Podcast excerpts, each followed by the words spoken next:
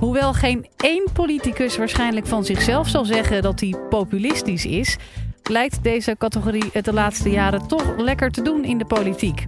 Hoe komt dat? Koen Vossen van Radboud Universiteit geeft je een crashcourse populisme en geeft antwoord op de vraag: waarom zijn populistische partijen zo populair? Dit is de Universiteit van Nederland. Ja, je kunt tegenwoordig geen krant meer openslaan of je leest die term wel weer. Populisme, uh, de opkomst van het populisme. Overal worden populistische politici uh, ontdekt. Donald Trump, uh, Silvio Berlusconi, Marine Le Pen, Geert Wilders. Waarom zijn deze populistische politici nu zo succesvol? Ja, dan zullen we eerst moeten beginnen met de vraag: wanneer is een politicus een populist? Populisme is volgens wetenschappers een, uh, is te herkennen aan een, ja, een, een soort discours, een manier van uh, praten over de politiek, waarin er eigenlijk een tegenstelling steeds wordt gemaakt tussen twee groepen. Twee groepen die als eenheden worden gezien. En die groepen zijn de elite aan de ene kant en het volk aan de andere kant. En beide worden dus, ik zei het al, als een eenheid gezien het volk, de elite, zonder dat men eigenlijk erkent dat er binnen het volk en de elite best wel tegenstellingen zijn. De populist zegt daarnaast ook: wij willen de democratie weer in handen van het volk geven. We willen die elite wegjagen en het volk weer uh, de macht in handen geven en daarmee de democratie feitelijk herstellen. Wat is er nou mis met de elite eigenlijk volgens de populisten? Het gaat erom dat het slechte mensen zijn. Denk aan, Hillary Clinton, uh, aan Donald Trump, die over Hillary Clinton altijd sprak als crooked Hillary. Crooked Hillary. Niet alleen haar plannen waren verkeerd, zij was verkeerd. Een fout mens. En dit is een typische populistische benadering van de politiek. Heel moreel, heel erg good guys tegen bad guys. Elite uh, uh, die door en door slecht is. Het volk daarentegen, ja, dat is natuurlijk het, het, de bron van alle wijsheid volgens de populisten. Daar kun je de echte eerlijkheid vinden. Daar kun je authenticiteit, echt populistisch woord, authentieke volkse wijsheid vinden. Daar vind je mensen die misschien niet gestudeerd hebben, maar die uit ervaring weten hoe ze praktisch dingen kunnen oplossen. Concreet en praktisch. En zeggen die populisten, als je die wijsheid van het volk nou gewoon gebruikt, dan kunnen heel veel problemen worden opgelost. Je zou kunnen zeggen met een culinaire metafoor, de basisingrediënten van het populisme zijn enerzijds dat volk en anderzijds uh, de volksverheerlijking en anderzijds die anti-elite-retoriek. Daar horen nog een paar dingen bij die vaak uh, die, die niet specifiek populistisch zijn, maar je zou kunnen zeggen dat zijn de smaakversterkers. Om die culinaire metafoor weer te gebruiken. Dat zijn de manieren waarop je die basisingrediënten kunt versterken. Een daarvan is bijvoorbeeld het gebruik van een hele volkse stijl, populaire stijl. Uh, je zegt bijvoorbeeld, in oude hoer kun je niet wonen. Dat zei de Amsterdamse wethouder Jan Schever ooit, die altijd een spijkerjasje aan had. Dus het gebruik van dat soort beetje populaire taal, dat past heel goed bij populisme.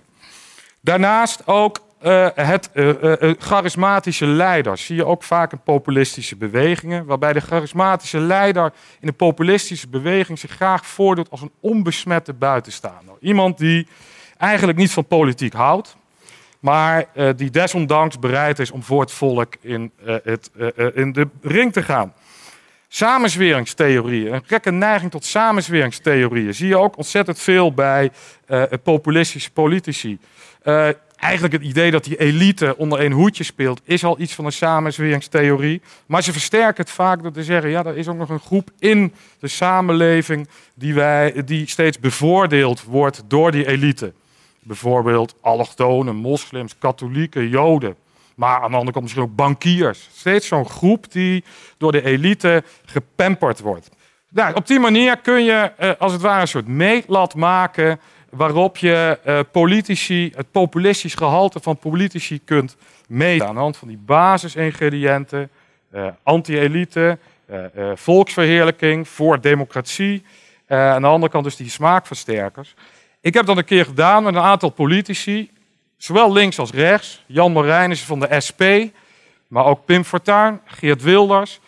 Nou, bijvoorbeeld bij Geert Wilders zie je dan heel interessant dat hij door de tijd heen steeds populistischer is geworden. In het begin was hij wel heel erg anti-elite, dat was er altijd al wel. Maar volksverheerlijking, ja, dat kwam eigenlijk pas toen die Henk en Ingrid introduceerde. Dat was het moment dat het volk als, ja, als, als, als positief element in de retoriek van Geert Wilders kwam. Ook directe democratie vond hij eerst helemaal niks, maar tegenwoordig is hij ontzettend voor referenda en uh, verkiezing van burgemeester en al dat soort dingen. En zo zie je dat Geert Wilders door de tijd heen steeds populistischer is geworden. Waarom stemde er vroeger bijna niemand op een populist in Nederland?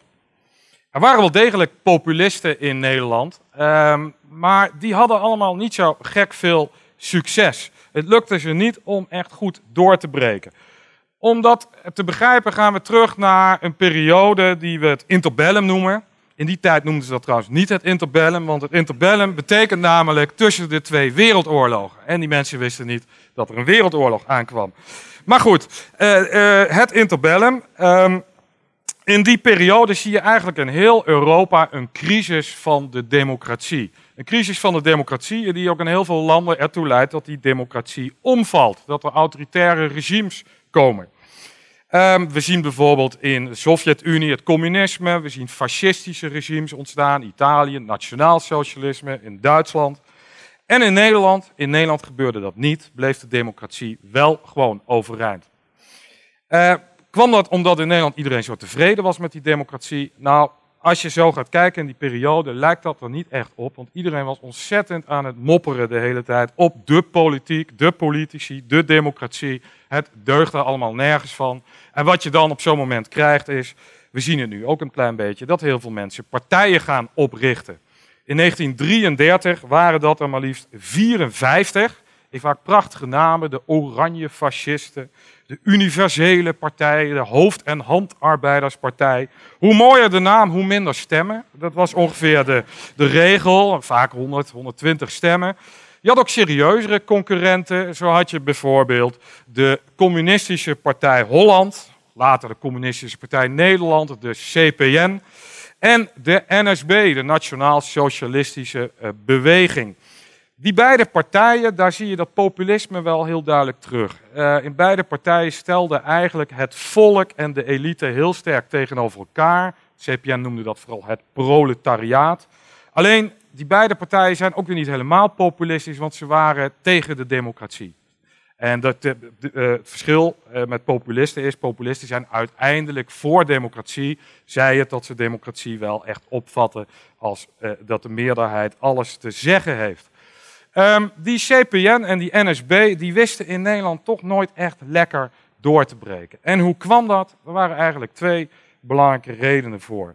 Allereerst werd er in 1933 door de regering een ambtenarenverbod ingevoerd. Dat betekende dat eh, mensen die ambtenaar willen worden, die mochten geen lid zijn van een van deze partijen. En een tweede uh, reden was dat je in deze tijd een, uh, een tijd had waarin de verzuiling nog heel sterk was. Verzuiling, het idee dat er rondom de verschillende partijen een heel netwerk van organisaties is. En dat netwerk van organisaties zorgde er eigenlijk voor dat die partijen als het ware uitschuifarmen hadden. Dat zij hun e-, electoraat konden uh, beheersen, konden controleren.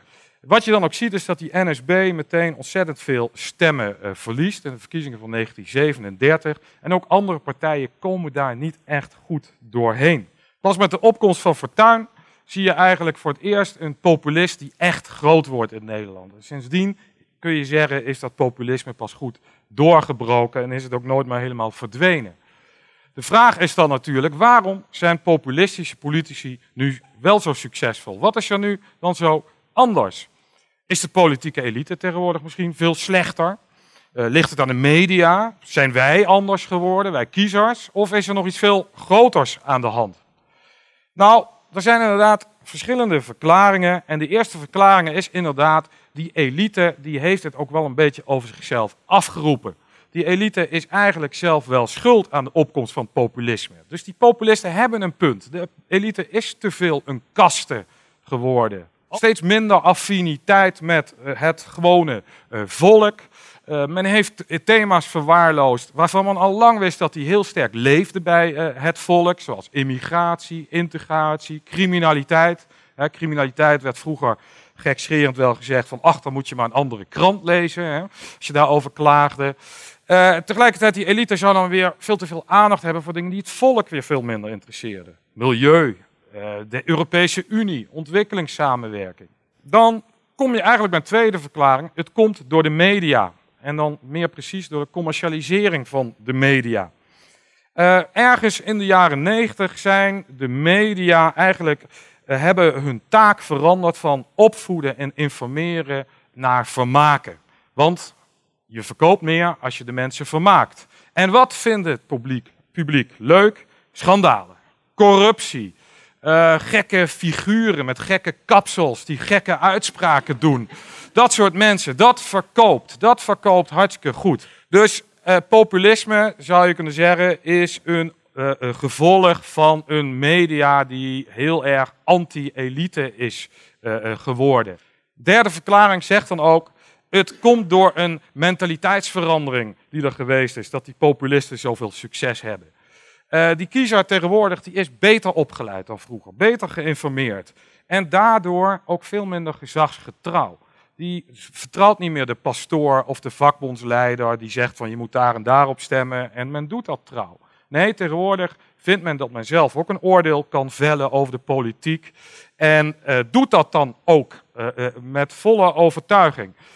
Dat leidt soms ook tot een zekere zelfoverschatting, zeggen sommigen. Tot een wel heel grote assertiviteit. Men spreekt wel eens over de dikke ik. In Duitsland spreekt men wel eens over de woedburger. Mensen die altijd maar boos zijn, die altijd vinden dat ze het zelf veel beter weten, die de elites uitschelden. En dat is dan een verschijnsel, zeggen sommigen, dat breder is dan de politiek. Huisartsen, leraren, journalisten, ze staan allemaal in veel minder hoge achting dan vroeger. En het populisme is in die zin een logisch gevolg van die mentaliteitsverandering.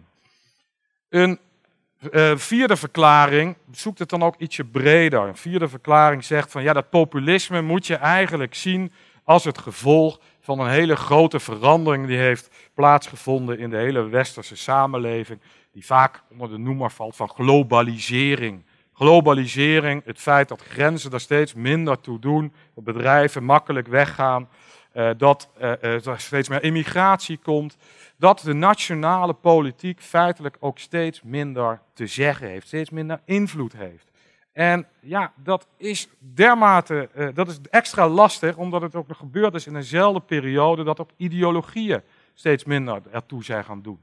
Dus die hele moeilijke, ja, nieuwe situatie die is gaan ontstaan, dat politiek, nationale politiek er minder toe is gaan doen, valt samen met een periode waarin ook die grote verhalen, die vroeger nog zo'n mooi kompas boden, ook er minder toe zijn gaan doen. Het gevolg is dat mensen denken, ja, die politici die praten maar wat, ze hebben een raar verhaal, en, maar ze hebben helemaal geen enkele invloed meer. Wat doen ze nou eigenlijk? Wij willen politici die ons weer kunnen beschermen, die weer controle over onze grenzen herstellen bijvoorbeeld, die weer onze natie voorop stellen.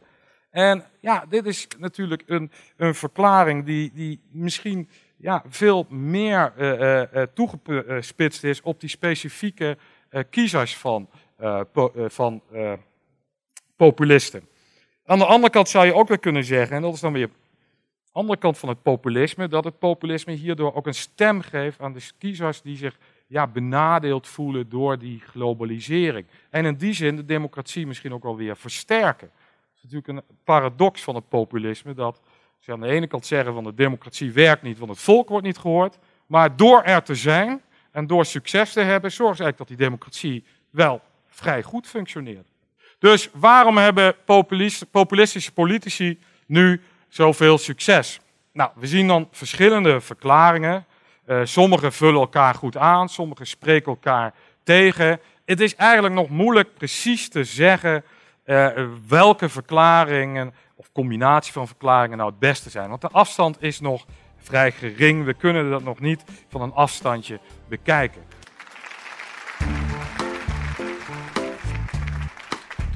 Dit was de Universiteit van Nederland. Wil je nou nog meer horen, bijvoorbeeld over de vraag waarom zoveel millennials kampen met een burn-out? Of hoe je een oogbal kunt bioprinten? Check de hele playlist.